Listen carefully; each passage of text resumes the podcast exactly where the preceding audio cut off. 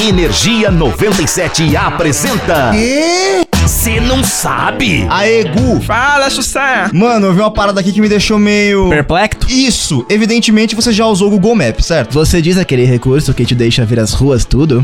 Esse mesmo. Pô, eu acho difícil conhecer alguém que nunca tenha, até porque tem várias paradas bizarras que já flagraram por lá. É, e a de hoje não te deixa desejar, juro. Caraca, tô curioso, sorta! Aconteceu no dia 7 de novembro de 1997, na cidade de Lantana, Flórida, quando William Moldit, na época com 40 anos, foi dado como desaparecido depois de não voltar pra casa depois de uma balada. Eita, não esperava por essa, mas e aí? A polícia procurou, procurou, procurou, mas sem sucesso nenhum, o que forçou-os a encerrar o caso. Ok, anotado aqui. Agora vamos pular muito tempo. Tá. 22 anos pra ser exato. Cocetada, isso é tempo.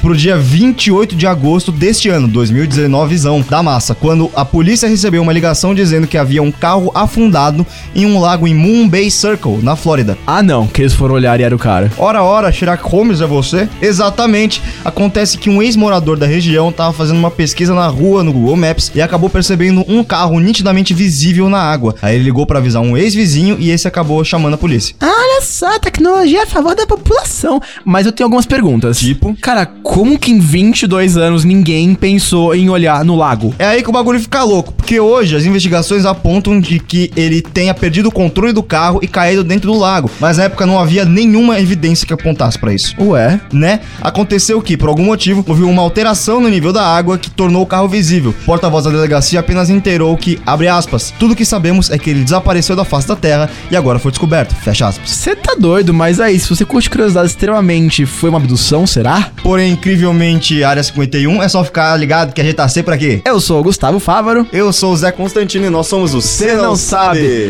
Energia 97 apresentou. Ah, já sei. O quê? Você não sabe?